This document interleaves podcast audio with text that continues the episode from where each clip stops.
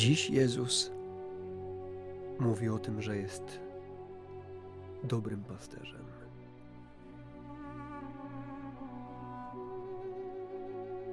Mówi dużo o tym, jaka jest rola dobrego pasterza i w jaki sposób owce reagują na Jego obecność i Jego głos. Mówi o sobie, że jest dobrym pasterzem, który pilnuje swojej owczarni. Że kto nie wchodzi do owczarni przez bramę, ale wdziera się inną drogą, ten jest złodziejem i rozbójnikiem. Ale ci wszyscy, którzy wchodzą przez bramę, są pasterzami owiec. I tym właśnie otwiera odźwierny, a owce słuchają jego głosu. Woła on swoje owce po imieniu i wyprowadza je. A kiedy wszystkie wyprowadzi, staje na ich czele. Owce zaś idą za nim, ponieważ znają jego głos.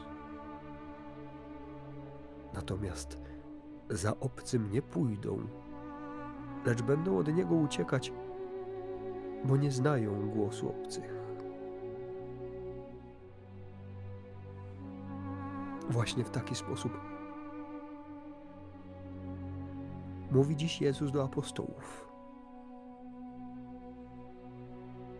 Mówi też dziś Jezus i do mnie. Ale apostołowie nie pojęli znaczenia tego, co im mówił. A być może też i dla mnie nie jest to wcale takie łatwe do przyjęcia. Więc po chwili Jezus dodaje: Zaprawdę, zaprawdę powiadam wam, ja jestem bramą owiec. Wszyscy, którzy przyszli przede mną, są złodziejami i rozbójnikami, a nie posłuchały ich owce. Ja jestem bramą. Jeżeli ktoś wejdzie przeze mnie, będzie zbawiony. Wejdzie i wyjdzie i znajdzie pastwisko. Złodziej przychodzi tylko po to, aby kraść, zabijać i niszczyć. Ja przyszedłem, mówi Jezus po to, aby owce miały życie i miały je w obfitości.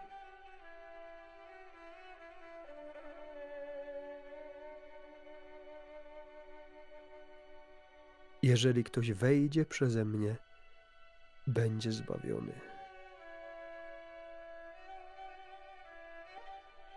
Tylko w Jezusie mogę dostąpić zbawienia. Tylko Jezus jest Zbawicielem i bez znaczenia na wyznawaną przeze mnie wiarę, zbawienie dokonuje się tylko w Jezusie Chrystusie. Jezus w dzisiejszej Ewangelii pokazuje siebie jako pasterza, który zna swoje owce, wszystkie, bez wyjątku. Jezus zna każdą owcę po imieniu Zna jej problemy i radości. Zna jej mocne i słabe strony. Jezus po prostu zna mnie na wylot. Zna mnie lepiej niż ja znam samego siebie.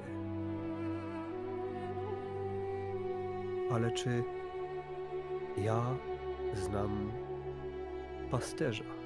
Czy ja znam Jezusa? Jezus powiedział, że za pasterzem idą te owce, które znają Jego głos. Natomiast za obcym nie pójdą, ponieważ Jego głosu nie znają. To pewnie dobry moment, żeby zadać sobie pytanie, czy ja w ogóle znam głos pasterza? Czy ja potrafię rozpoznać w mojej codzienności głos pasterza? głos obecności Jezusa. Bo jeżeli chcę pójść za kimś, to przede wszystkim muszę wiedzieć, za kim pójść. A żeby to wiedzieć, muszę go usłyszeć. Muszę słyszeć wyraźnie każde jego słowo i mieć też pewność, że głos należy do niego.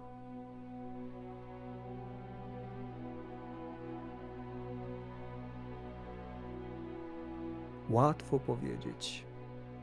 Łatwo stworzyć taką narrację, w której zdania tak prosto układają się w logiczny ciąg, jakby to wszystko było niewymagające żadnego wysiłku.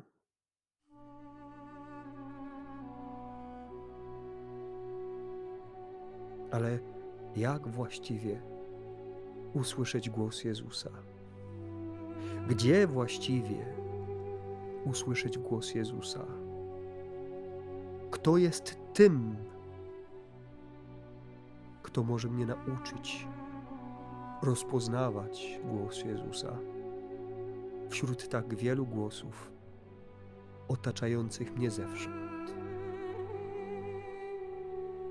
Łatwo ten głos pomylić z innym. Łatwo pójść za innym, który zachęca do być może łatwiejszego życia, być może przyjemniejszego, ale bazującego tylko na doczesności. Bo tylko oferta Jezusa jako dobrego pasterza dotyka i dotyczy nie tylko teraźniejszości, ale także całej mojej wieczności.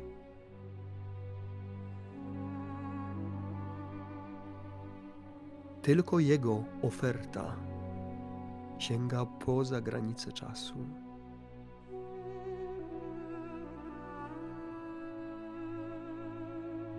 Zatem, jak rozpoznać głos pasterza?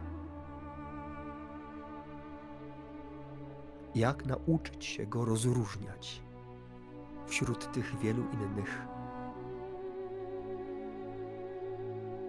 wśród których jest też przecież całe mnóstwo tych, którzy przyszli po to, żeby rozpraszać.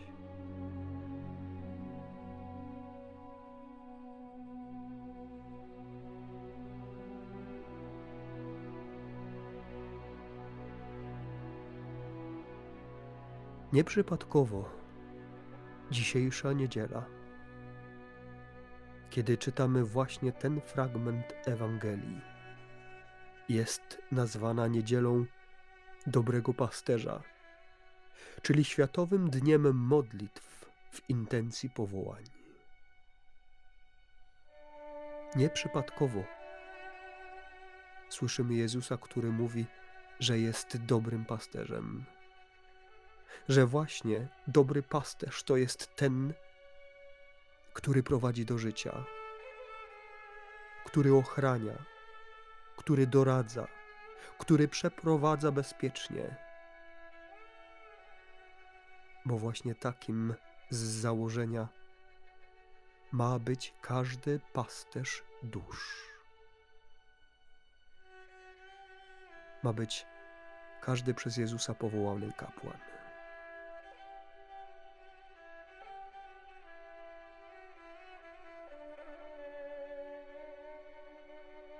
Dlatego tak ważne dwa elementy składają się na dzisiejsze świętowanie.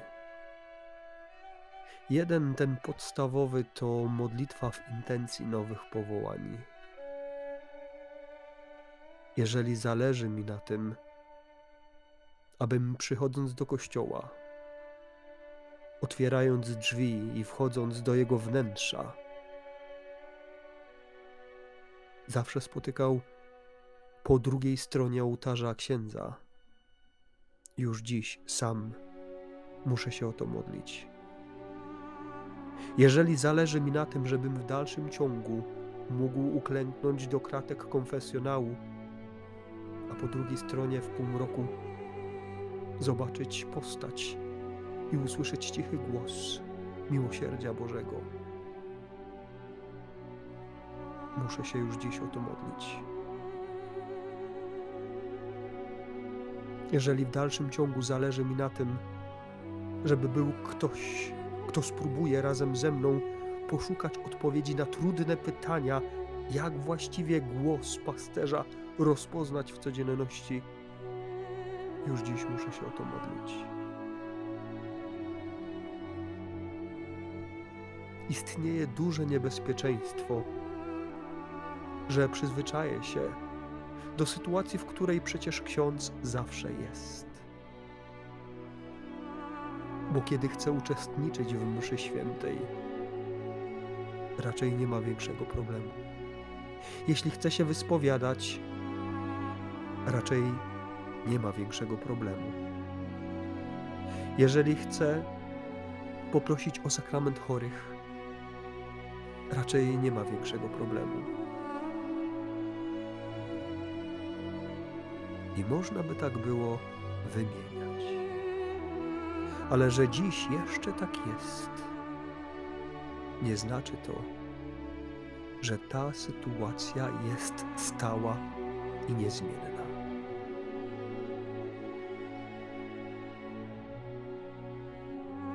Sam Pan Jezus polecił, aby modlić się, aby Pan wyprawił robotników na swoje żniwo.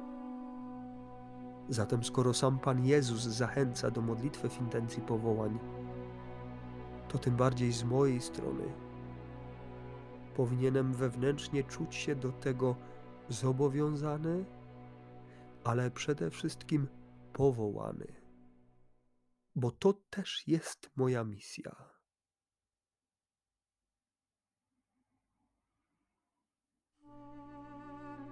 Ale jest też i drugi ważny element. Aby modlić się już za tych, którzy na głos Bożego powołania odpowiedzieli. Łatwo jest znajdywać wady, łatwo jest narzekać, łatwo jest stawiać wymagania, łatwo jest też się rozczarowywać. Ale im łatwiej przychodzą nam te wszystkie trudności, związane z postawą księży, których być może spotkaliśmy. A nie była to wcale postawa wzorcowa dobrego pasterza.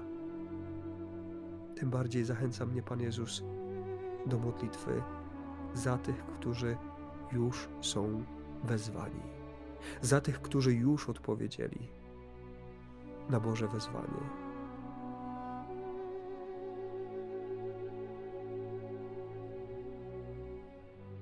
Może to dobry czas, żeby sobie zrobić rachunek sumienia z mojej modlitwy w intencji tych księży, których Pan Bóg postawił na drodze mojego życia. Zarówno tych, którzy tak bardzo mi pomogli, jak i, a może nawet przede wszystkim za tych, którzy tak bardzo w spotkaniu z Jezusem mi przeszkadzali. Może warto sobie zrobić rachunek sumienia i zadać sobie pytanie, co przychodzi mi łatwiej. Odnajdywanie słów, którymi mogę wyrazić swoje rozczarowanie albo nawet i pogardę do poszczególnych księży, albo odnajdowanie różańca, na którym z wielką wiarą i pokorą chcę wypraszać miłosierdzie, mądrość, męstwo właśnie dla tych osób.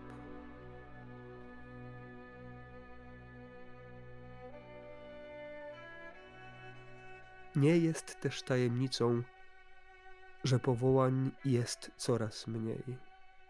Niektóre seminaria już zupełnie świecą pustkami.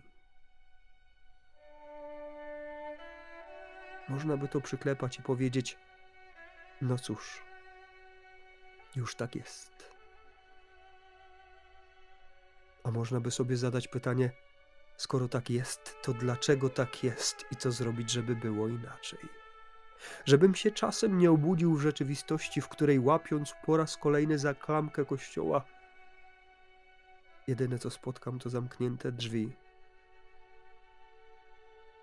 Bo księdza w tej parafii już nie będzie.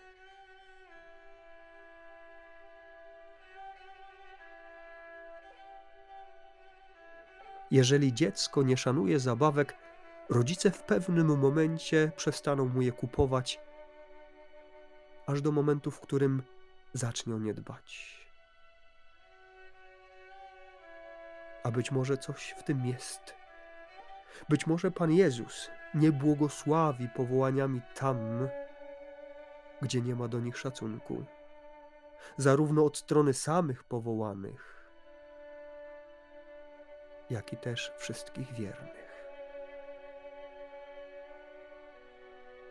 Na tyle, na ile mam szacunku do samego powołania i jego istoty,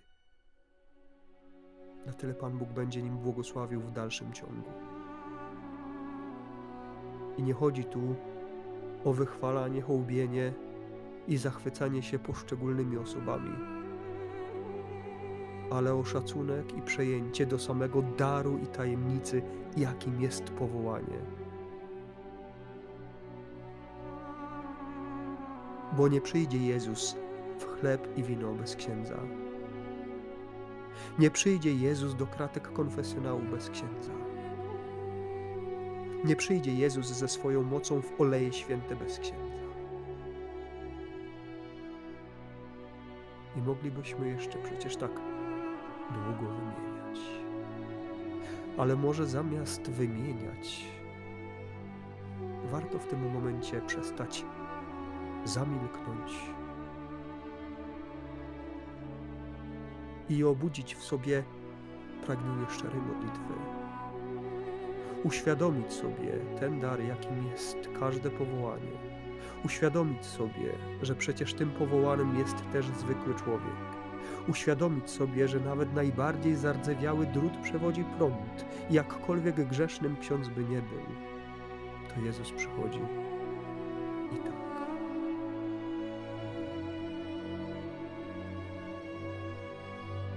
Panie, daj nam świętych kapłanów. Umocnij tych wszystkich już powołanych. Wlewaj w nich Twoją mądrość i odwagę, aby według Twojej wizji, aby według Twojego słowa, aby według Twojego ducha prowadzili tych wszystkich których im powierzyłeś.